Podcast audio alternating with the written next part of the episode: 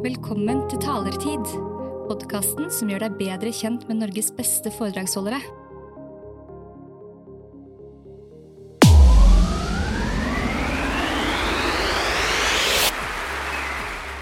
Wow. Solfrid Flateby, du har jobbet mange steder. Du har vært leder, og du har hatt mange ledere, og du har, du har vært på mange arbeidsplasser. Hva kjennetegner egentlig en god arbeidsplass, slik du ser det? Ja, det er en rekke litt sånn kjedelige ting.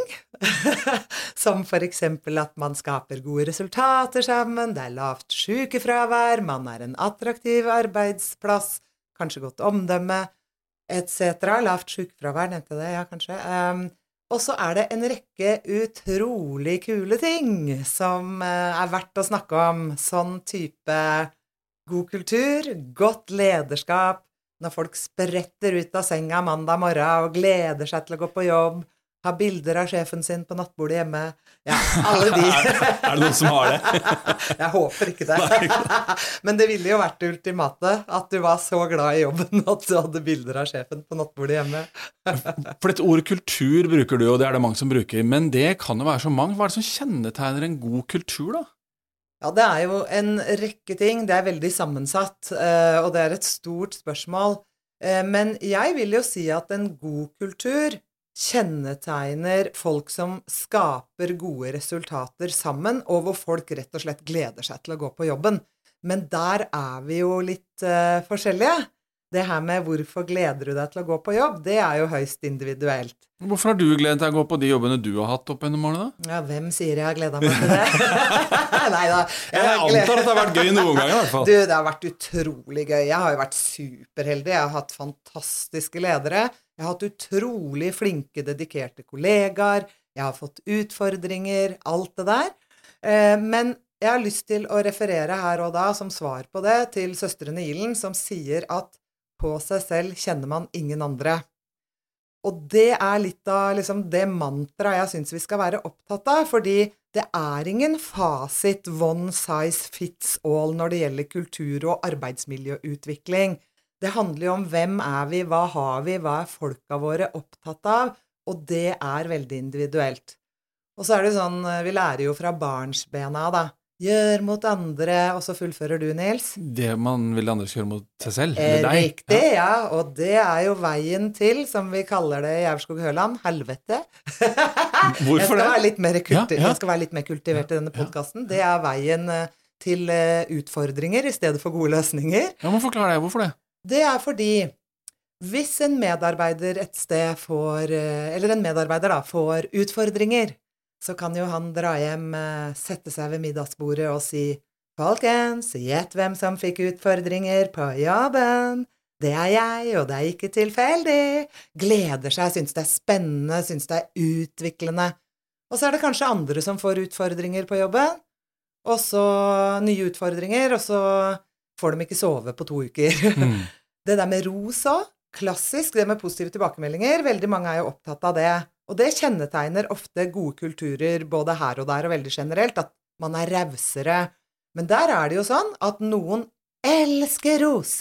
Jo mer, jo bedre. Du kan rose meg bare for å dukke opp om morgenen. Og så er det noen som vil ha positive tilbakemeldinger når de har gjort noe ekstraordinært. Det bør helst være konkret og beskrivende, og ikke sånt generelt jabb. Mm. Så vi er veldig forskjellige, og det mener jeg vi ikke nødvendigvis tar godt nok på alvor når vi jobber med kultur. Det blir veldig mye one size fits all, og det er ikke veien til eh, den lykkelige, det lykkelige medarbeiderskapet, da, mener jeg. Men da høres det også vanskelig ut å gi råd om å bygge kultur, fordi det kan være så mange ting. Men likevel så har i hvert fall du noen sånne eh, hva skal vi si, noen læresetninger, noen prinsipper som du tror på? Ja. Eh, grunnlaget hos meg handler jo nettopp om at vi er ulike og blir motiverte av ulike ting, har forskjellige behov og sånn. Men det er en del ting som er gjengs, og som vi kan jobbe med. For eksempel så veit vi ganske mye om at folk ønsker å oppleve mestring. Eh, Det med formål, the why, har jo kommet mer og mer, og er særlig representativt for millenniumsgenerasjonen osv. Og så handler det jo om, da, og det bruker jeg ganske mye tid på, det her med å få folk til å føle seg verdifulle. Mm. Og det handler jo om å ta utgangspunkt i individet i så fall. Men det her med hvordan gjør vi det, hva kjennetegner ledere som gjør det her bedre enn andre, hva kjennetegner gode kollegaer, etc. Og der er det noe som liksom ligger der litt sånn felles og generelt, da. Har du noen eksempler eller en historie som kan illustrere det med å få folk til å føle seg verdifull? Oi! Ja, da spør du godt. Eller om du har opplevd noe selv hvor du tenker åh, der Ja, jeg har et kjempegodt eksempel på når jeg ikke følte meg verdifull. Kanskje Kan lettere snakke å komme på. Ja. Nå viste jeg mitt sanne ansikt, at jeg var ikke så veldig positivt Mm. fokusert. Um, jeg hadde jobba kjempehardt i en av mine første jobber med å lage et opplæringshefte. Og jeg hadde lagt hele sjela mi i det. Dette er mange, mange år sia. Eh, og jeg gleda meg så innmari. Vi var en veldig liten avdeling, og jeg gleda meg så veldig. Det var liksom Avdelingen var sjefen og meg. Og så hadde jeg gleda meg så fælt eh, til at dette skulle komme fra trykkeriet. Det var jo på papir den gangen. Eh, og da vi åpna nede i kjelleren, åpna de eskene med 100 sånne glossy, fancy eh, hefter, så så jeg at eh, det lederen min hadde gjort, var å sette på innsiden av eh, omslaget at dette var utviklet av, og så sto det hans navn. Og det var jeg som hadde gjort det. Han hadde gitt et par råd underveis, men det var jeg som hadde gjort det. Så hvis det skulle stå ett navn, så burde det vært mitt. Men jeg hadde levd veldig godt med at det var begge to sitt. ikke Hvordan sant? følte du deg da? Jeg følte meg jo helt eh, ja, verdiløs, da. Tråkka på. At liksom det jeg hadde gjort Men samtidig, da, så er jeg jo veldig opptatt av å tolke ting med gode intensjoner. Det er jo noe av det som man bør jobbe med når man jobber med kulturutvikling og god kommunikasjon. Så jeg valgte faktisk Men jeg blei veldig såra og skuffa først. Men så valgte jeg å tenke at det her er et så godt stykke arbeid, Flateby, at han til og med må ta kreden for det. så det er jo en måte å tolke det på, det også. Se det på seg. Mm. Har det blitt vanskeligere å være en god leder eh, de siste fem-ti årene? Ja, det har det utvilsomt. Og det er det mange grunner til. For det første så har vi jo gått fra dette eh, kontrollbaserte, som er faktisk litt lettere å gjennomføre, enn å over i det tillitsbaserte, hvor du skal slippe folk litt fri. Og det er jo du som sjef som får pisken på ryggen, ikke sant, når ting går galt hos deg. Så du Det er å liksom stille seg laglig til for hugg, ikke sant, og delegere og la folk få ansvar, etc. Og så er det noe med at vi har veldig lav arbeidsledighet. Det er skikkelig kamp om de flinke folka. Og det gjør det jo da vanskelig å få tak i gode folk, men det gjør det vanskelig å beholde òg, for andre kommer jo og fisker på folka dine hele tida. Og det tar jo tid å lære opp etc., så det gjør det òg utfordrende. Og så er det jo noe med kravene våre da, til de flinke lederne. At uh, du kan lese i ulike artikler at ja, vel, leder med omhu, og er du ikke en god leder, så bør du finne på noe annet. Og når det da i tillegg er lett å finne på noe annet for mange, da blir det utfordrende. Mm. Og du er ute og møter ledere når du holder kurs, foredrag, workshop. Er det noen spesielle ting som du opplever at de lederne syns er utfordrende nå? For dette er et stort område, som du sier. Er det noe du tenker på som du hører oftere eh, i disse samtalene du har? Ja, det er jo det, men det er sammensatt. Ulike ledere har ulike utfordringer. Men det som jeg ofte pusher ledere på, da, som jeg syns vi jevnt over og mange steder er altfor dårlige på, det er å ha gode planer for nettopp kultur. Mm. Vi har gode finansielle planer, driftsplaner, organisatorisk, endringsplaner, blædi, blædi. Og så glemmer man kultur. Og jeg pleier å bruke et sånt eksempel fra Dagens Næringsliv og E24 fra Det er en stor artikkel i 2017 hvor eh, Hære Isaksen og Betongmast, to kjempestore entreprenører, skulle slå seg sammen, skulle omsette for 9 milliarder kroner. Og de hadde jo så fantastiske planer. Det var planer liksom ned på detaljnivå du har ikke sett maken til. Og så etter halvannet år kom det nye mediesaker om at det ble skilsmisse. De skulle gå fra hverandre. Dette funka dårlig. Og da sto jo den ene konserndirektøren fram og sa vi hadde glemt én ting. Det var kulturen. Ja. Store kulturforskjeller som gjorde at hele lasset velta. Og min erfaring er at altfor mange ledere har ingen plan på kultur. Man har kanskje en HR-avdeling som har, noen planer, og det er fint, altså. Skal ikke kimse av HR, de er ekstremt viktige. kulturbærere og liksom hjertet i organisasjonen og alt det der. Men det er jo de som må i så fall hjelpe til med å lage planene for kultur i din egen avdeling. Høres ut som et godt eksempel, og jeg kan kjenne meg igjen i det. Jeg har hørt den siste tiden i litt sånn ulike diskusjoner at mange mener at HR-avdelingen har for lav standing og for lite innflytelse internt. Mhm. Jeg vet ikke hva du tenker om det, men at det kanskje kan være noe av årsaken til at kan du si, ingeniørens, økonomens og juristens planer kom igjennom, men HR kanskje ikke når helt opp. Mhm. Er det noe i det? Er det, er det liksom et soft fag? Mhm. Ja, det er jo et softere fag, eh, vil jeg påstå. Men jeg tror at hvis HR skal få innpass, så er de nødt til å ta forretning på alvor, sånn at forretning og folk må henge sammen. Men så tror jeg òg at HR får veldig stor og god standing når de som driver med forretningsbiten, forstår at det er folka som skaper forretningen. Mm. Hvis du ikke tar folka dine på alvor, da blir det ikke noe forretning heller. Så ja takk, begge deler, men jeg tror HR i seg selv kanskje har en liten vei å gå i å synliggjøre hvordan dette bidrar på båndlinja, da. Og det er litt vanskelig. Men det her må i hvert fall eh, få ledere andre steder i businessen til å virkelig ta på alvor at det er folka det handler om. Det er der det starter, og det er der det slutter. Er det så enkelt at man, folk skal ha det bra? Kan man Ja. begynne der? Ja, Ja. det tror jeg. Punktum. Du har jobbet i en kultur som i hvert fall fra utsiden ser sterk ut, nemlig Rema og Reitan. Alle, alle eh, kjøpmennene og, og de flinke folka som jobber der. Og der jobbet du nettopp med organisasjon og ledelse og kultur. Eh, er det noen erfaringer eller opplevelser du har med deg liksom fra Reitan-tiden som tenkte at det der eh, var smart, det der skal jeg videreføre eller ta med meg videre? Mhm. Ja, det er, det er mye fra Reitan. Jeg var jo der i ca. seks år, og det er mange ting derfra. Men de har jo ting som de jobber med og trenger å jobbe med og sånn, ikke sant? Men eh, erfaringen min er vel at de satser på utvikling.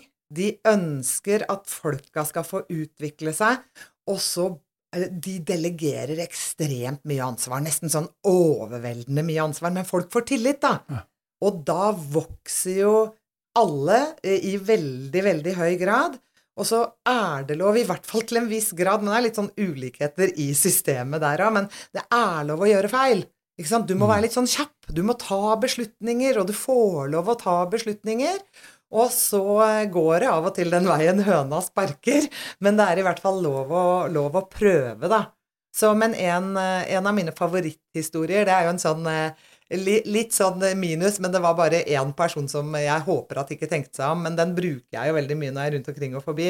Det er jo en historie, jeg skal ikke dra hele den nå, for den er litt lang, men det er da en ny medarbeider, og slutten på historien er at han står da med noen kollegaer og meg og drikker kaffe, og så kommer det en annen ny kollega med ukens fruktfat, som er ganske stort. Man har mange goder i Reitan, det er et fantastisk sted å jobbe. Ikke bare pga. godene, men de flinke folka og sånn. Men han kommer der med fruktfatet, og så sier denne nye medarbeideren, som syns det var helt fantastisk å ha fått jobb i Reitan, han sier 'Å, herregud, får vi frukt her også?' Og da svarer en kollega som står ved siden av, 'Ja, men det er sjelden det er noen pærer på fatet'.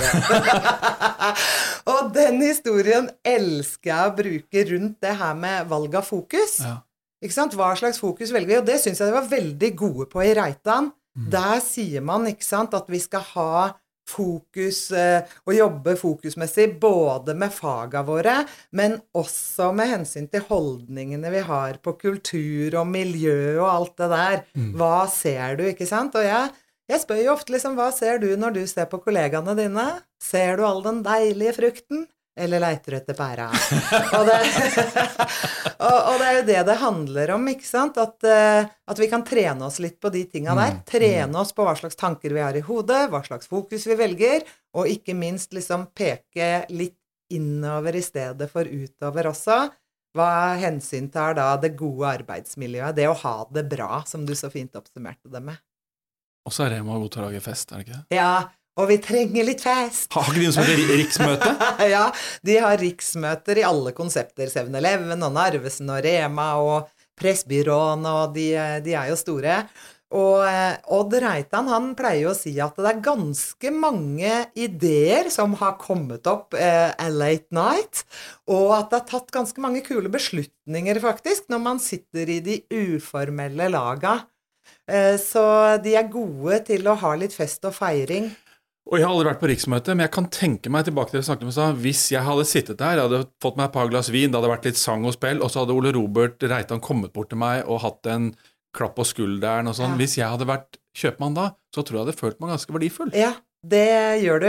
Det er kanskje litt det som skjer. Ja. Ja. Og så er det sånn, og det syns jeg liksom Det er kanskje noe av det kuleste med Reitan-systemet, da, og det syns jeg de var gode på i Coca-Cola, og jeg var jo der i åtte år. Veldig gode på å unne og beundre. Og unne er jo det motsatte av misunne. Ikke sant? De er gode på å unne og beundre. De er ikke redde for å løfte fram flinke folk, snakke pent om noen. Øh, og det er noen kulturer som jeg er inne i, hvor folk er livredde for å si noe fint om noen, fordi da blir noen andre litt mugne. Og det er så utrolig kult at man er litt uredd det her, og at vi applauderer for hverandre, og det sitter kjøpmenn der som kjemper hardt for å bli liksom årets kjøpmann, men er ville av ekstase når andre får den prisen, Mm, mm. og tenker at da skal jeg heller Mm. sette inn sjettegiret og ta her neste år. Det er veldig kult, da.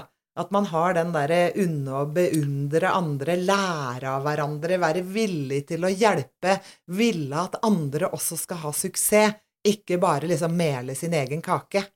For der tror jeg kanskje samfunnet nå er på vei i en litt annen retning, i hvert fall sånn som jeg leser det, nemlig at alle må få premie, alle er like. Mm. flinke, alle har gjort en innsats. Vi kan ikke løfte fram noen. Og da er det kanskje fare for det som du sa innledningsvis, at, man, at ros og skryt ender opp med å bli meningsløst. Mm. Det oppleves ikke som ekte eller genuint, eller fortjent kanskje engang. Mm. Eh, ser du noen tendenser til at ledere og HR-folk er for redd for å skryte av enkeltavdelinger eller medarbeidere, f.eks.? Mm. Jeg, eh, jeg eh, mener jo at mange er opptatt av rettferdighet, og så har man kanskje i min verden tatt litt feil av hva rettferdighet er. For i min verden så er ikke rettferdighet at alle får likt. I min verden så er rettferdighet at folk får med hensyn til hva de motiveres av, hva de har behov for, hva de ønsker seg, Mm. eh, og særlig når du er leder. Og like muligheter, kanskje? Like muligheter, gjerne. Mm, Der er det mm. viktig at vi er rettferdige med hensyn til like muligheter. Men det her med å behandle folk likt, det, eh, det er å gå motsatt vei av hva jeg tror er riktig, annet ledelsesmessig, da. Men svaret er ja. Enkelte er veldig opptatt av det at ingen skal liksom skille seg fra hverandre, men da blir vi en litt sånn ullen gjeng ofte, da. Kan Mm. hende noen får det til å funke. Jeg har ikke sett Mm. så mye til det. Nei. Men jeg har jo sett da hvor det bikker, andre veien, så er det et godt argument å være litt forsiktig også med konkurranser og det der med at folk skal være best, og for det er mye spisse albuer her og der, altså. Og hvor du ikke har den derre unne- og beundre-kulturen. Og det er uheldig, det også. Mm. Kanskje man kan finne ulike ting å hjelpe, altså, hjelpe folk å lykkes på. Noen motiveres av det ene, og noen av det andre. Det er noen det. er sånn, og noen er sånn. Noen har jobbet lenge, noen har jobbet kort. Mm. Noen er opptatt av penger, noen er opptatt av bløtkake. Og da er vi jo inne på en av de store generelle gullnøklene, og det er involvering og inkludering. Det her med å ta med folka våre.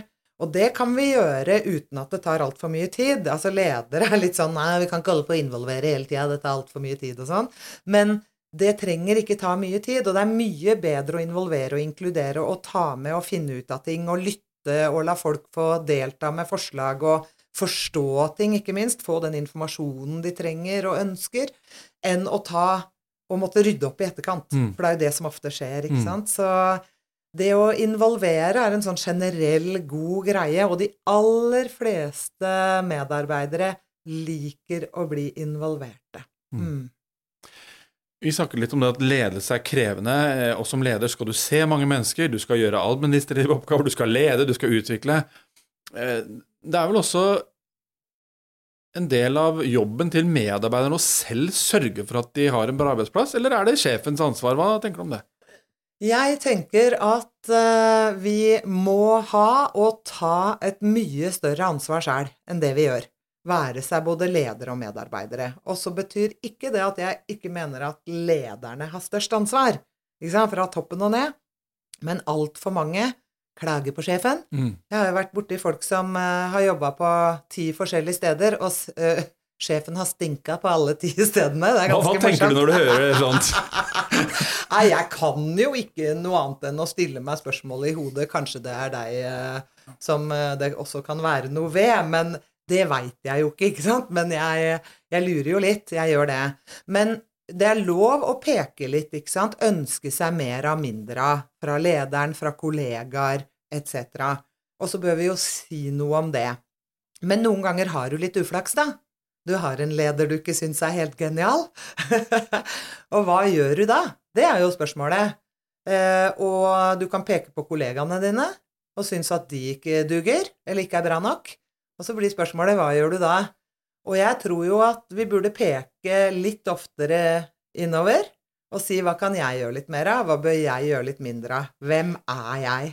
For du har blant annet et foredrag som heter Hold dere fast 6,5 tips til en bedre utgave av deg selv.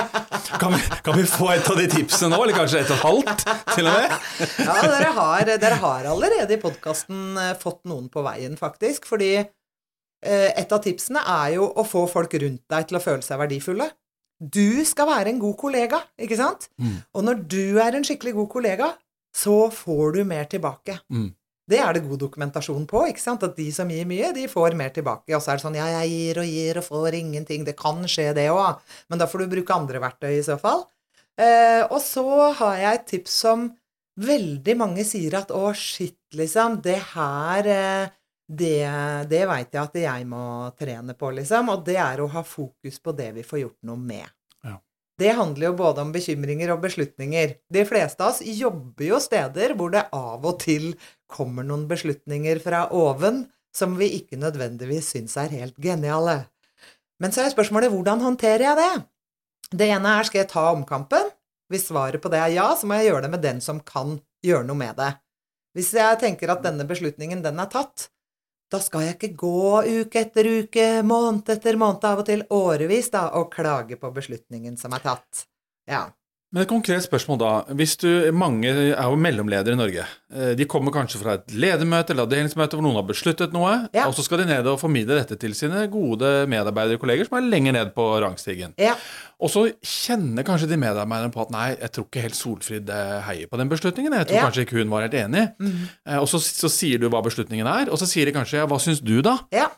Hva syns du da? Du er uenig i beslutningen, men du må gjennomføre den. Har du noen tips og triks til eh, svar da? Ja, da svarer du følgende. Den beslutningen er tatt, så det forholder vi oss til. Ja. Hvordan tenker dere vi skal gjøre det? Lojalitet. Ja, det er lojalitet, og du trenger ikke å lyve. Nei. Du trenger aldri å lyve, det er i hvert fall min holdning, Mm. men du trenger ikke fråtse i sannheten. Nei. Og det, det betyr jo at du trenger ikke å si 'ja, jeg var ikke enig', og kjempe med nebb og klør. Det bidrar ikke til at vi kommer oss fortere fram. Og så er det jo noen som sier 'ja, hva syns du da?' Og da kan jeg jo si at det, det betyr jo ikke noe. Mm. Eller så kan jeg si 'vi' i ledergruppa. Hvis jeg har sittet i en ledergruppe, jeg er kanskje den ene som har kjempa imot, da, men ledergruppa har bestemt, så kan jeg si 'vi', for det er jo riktig, det er jo fakta. Men særlig det der med beslutningen er sånn, og det må vi forholde oss til. Hva syns dere vi gjør nå? Hvordan gjør vi det her? Det syns jeg er en fin måte. Jeg har lest en del eh, sånne evalueringer av deg som foredragsholder. Jeg har også hatt gleden av å se deg flere ganger. Og en av de tingene du scorer høyt på, er jo nettopp det at du, du oppfattes som folkelig, genuin og på bølgelengde med de som sitter i salen. Og så hører jo lytterne at du ikke kanskje er født på vinneren, eller eh, et sånt sted. Hva er det som gjør at du eh, tydeligvis treffer litt på den derre ja, kan vi bruke uttrykket folkeligheten, eller at, at folk kjenner seg igjen i det du sier? Kan du si noe om, om det? Mm. Nei, jeg, jeg er jo meg sjæl på godt og vondt. Eh, men noe av det jeg Og hvor kommer du fra? Jeg kommer jo selvfølgelig fra Aurskog-Høland. Eller Urskau, som vi kaller Urskau, det da, hjemme. Ja. Men noe av det som jeg bruker mye tid på før jeg går inn i et foredrag For jeg har, et, jeg har jo et foredrag, som du sier, som heter 6 15 tips, men de tipsa er aldri helt like. Og det er fordi jeg bruker mye tid på brifen med kunden. Hvor trykker skoen hos dere? Hvordan har dere det? Hva ønsker dere mer av? Hva ønsker dere mindre av hos dere? Eller hva er verdiene deres? Og så baker jeg det inn, sånn at det virkelig skal passe. Det er liksom én del. Og da er det jo lettere at folk uh, syns det treffer. Det andre er at uh, jeg justerer nok stilen min litt etter, eh, etter hvem jeg er hos, ikke sant. Hvis jeg, hvis jeg er eh, hos eh, gutta på lageret, så eh, kan jeg bruke Da banner jeg litt, og litt mer sånn som faller seg helt naturlig for meg. Jeg vokste opp med at vi banna hjemme. Sorry, ass. Det, sånn var det bare. Men hvis jeg da er på vinneren, da, for å si det sånn hos et finansselskap, så banner jeg ikke like mye. Men uh, ja, ja, jeg opplever å få gode evalueringer, men om det er at jeg gjør de tinga her, eller om det er fordi jeg da er meg, eller hva det er, det veit jeg ikke. Det er jo litt sånn Hva er det dattera mi sier? Det slår jo ikke feil, mamma, hvis vi er enkelte steder og noen skal liksom eh, finne noen å snakke med, så kommer de alltid bort til deg. Så jeg veit ikke hva det er, liksom, om det er at du ser eh, at du er blond og blåøyd og ser kanskje litt dum ut, og så ler vi, da. ser snill ut. Men så vet jo vi begge at det kan jo ikke skje undre etter at en foredragsholder har vært inne. Det viser i hvert fall forskning. Det kan skje ting, men, men, det er ikke sånn at kulturen bytter fra sort til hvit eller rød til blå. Hvilken følelse, en opplevelse, er det du ønsker at de skal ha, de som da sitter i en sal og hører på deg f.eks. en time? Mm. Nei, jeg skulle jo ønske Jeg sier det av og til til noen som ringer meg når de har ønsker til hva jeg skal utrette, så sier jeg, jeg det, det er ikke en tryllekunstner du har ringt til. Men det jeg håper hver gang det er at mange som er til stede, tar med seg en eller to ting som de kan gjøre litt mer av, eller litt mindre av. Da føler jeg at jeg har gjort jobben. Og det er individuelle ting. For noen er gode på noe allerede, og litt mindre gode på noe annet. Men eh, hvis jeg kan gi seks og et halvt tips, eksempel, og de tar med seg et tips eller to, og gjør litt mer eller litt mindre, eller husker på det. Og det er jo morsomt, da, for jeg får jo ofte tilbakemeldinger sånn eh, Ja, du, veit du hva, eh, nå bruker vi liksom det begrepet, driver og leiter etter pæra. Ikke sant? Jf. den historien jeg fortalte i stad. Eller uh, 'fortell det til trynet ditt'. Så det er mange som liksom sier at de har fått et sånt språk. Og så når jeg jobber med ledere, men også med kulturreiser for medarbeidere, så har jeg verktøy som jeg veit at mange tar med seg og bruker f.eks. noe som heter bøttemetoden, som er et konkret verktøy når vi er litt frustrerte eller står oppe i vanskelige situasjoner. Og det veit jeg at de bruker både da språklig i etterkant, men også inn i møter. Så det er jo sånne ting som jeg håper skjer, da. Men jeg tror ikke jeg kan trylle. Du er jo en eh, dame i din beste alder. Har du selv, har du selv noen eh, livsmotto eller noen ting du har levd etter og forsøker å leve etter i ditt eget liv for at du skal være en så bra person som mulig for dine omgivelser? Mm. Og jeg tror du skal ta deg en tur til Specsavers, Nils, hvis du tenker at jeg er i min beste alder. Men jeg har briller på bordet. Jeg, jeg, har jo en favoritthistorie som jeg bruker, som handler om mitt eh, livsmotto. Eh, og jeg veit ikke om jeg skal liksom eh, gå på den historien, men litt kort fortalt, da. Jeg er jo født og oppvokst på en gard, og vi jentene blei tidlig tatt med en far ut for å plukke stein på jordet. Og hvis du ikke har vært med og plukka stein, så er det det det betyr. og så fikk jeg min første sommerjobb og jobba masse og var litt innom det offentlige og sånn og sånn. Jeg gjør denne historien nå litt kortere, tenker jeg, enn jeg gjør i foredragene. Det er litt morsomme ting underveis som skjer i den historien. Men jeg var i hvert fall da på et intervju hvor jeg blei tilbudt en jobb i det private næringsliv.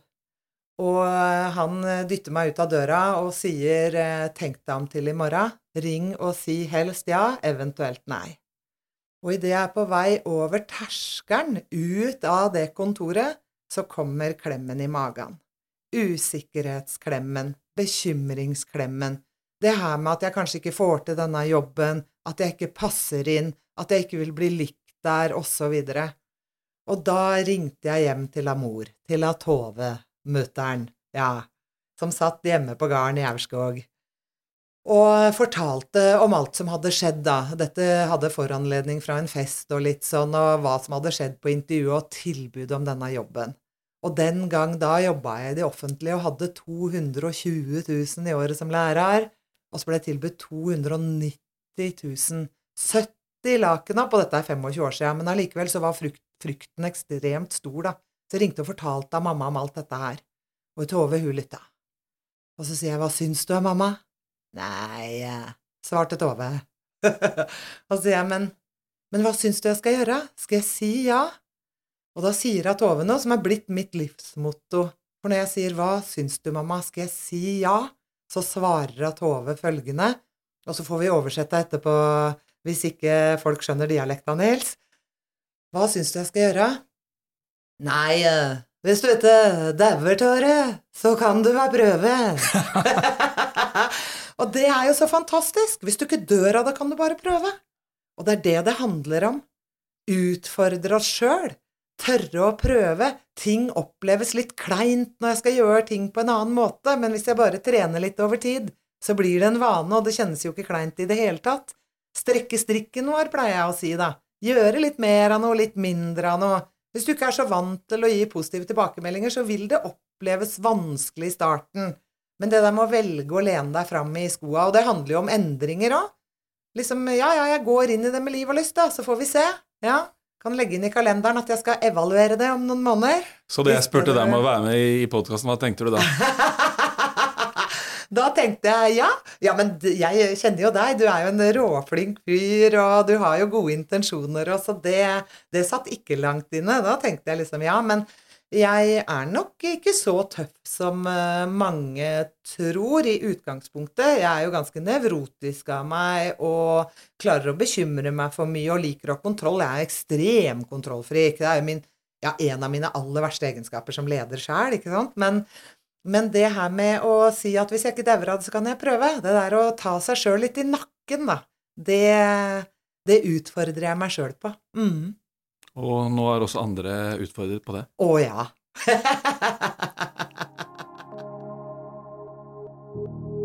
Takk for at du lytter til Talertid. Du kan lese mer om denne episodens gjest på talelisten.no. Har du spørsmål eller ønske om en gjest vi bør snakke med? Send en e-post til nils at talelisten.no. Talertid. Bak scenen med Norges beste foredragsholdere.